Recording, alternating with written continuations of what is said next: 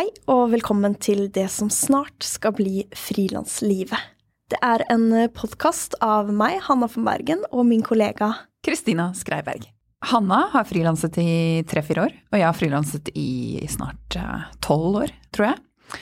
Og vi møter jo hele tiden sånne ja, ting i frilanshverdagen vår som hvordan skal vi forhandle? Hva slags eh, pensjonsordning burde jeg ha? Hvordan jobber eh, alle andre? Hvordan takler jeg ensomhet? Og hvordan blir jeg mer inspirert eller jobber bedre? Og så videre. Det er så mange ting vi lurer på, og noen dager så føler vi oss eh, som superhelter. Som om vi har den beste jobben i hele verden. Og andre dager så føler vi oss helt udugelige.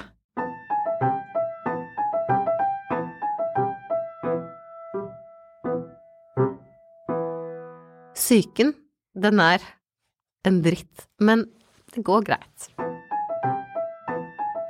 Jeg ser jo på meg selv som en kunstner, da, at livet mitt går i ett med arbeidet mitt noen ganger. At jeg greier ikke helt å skille hva som er privatliv og hva som er arbeid. Sånn at det flyter litt i hverandre.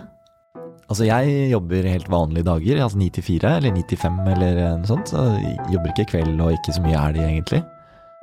Nei, jeg kaster meg ut i det. Jeg starter for meg selv. Eh, jeg har ikke lyst til at det skal stå liksom uprøvd. Jeg tenker ofte på liksom banale analogier. Sånn, sånn, som at hvis haien slutter å svømme, så dør den. jeg er en hai. så selv om jeg ikke aner hva jeg jobber med, så må jeg jobbe.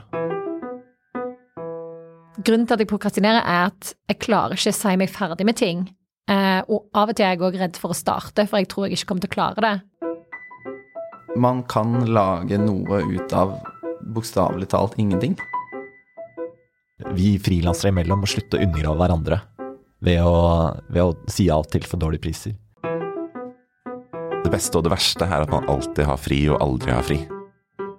Jeg tror folk generelt er veldig skeptiske til det å jobbe som frilanser. Jeg merker det veldig. Alle jeg snakker med, tar på en måte opp det men kan du egentlig leve av det, liksom?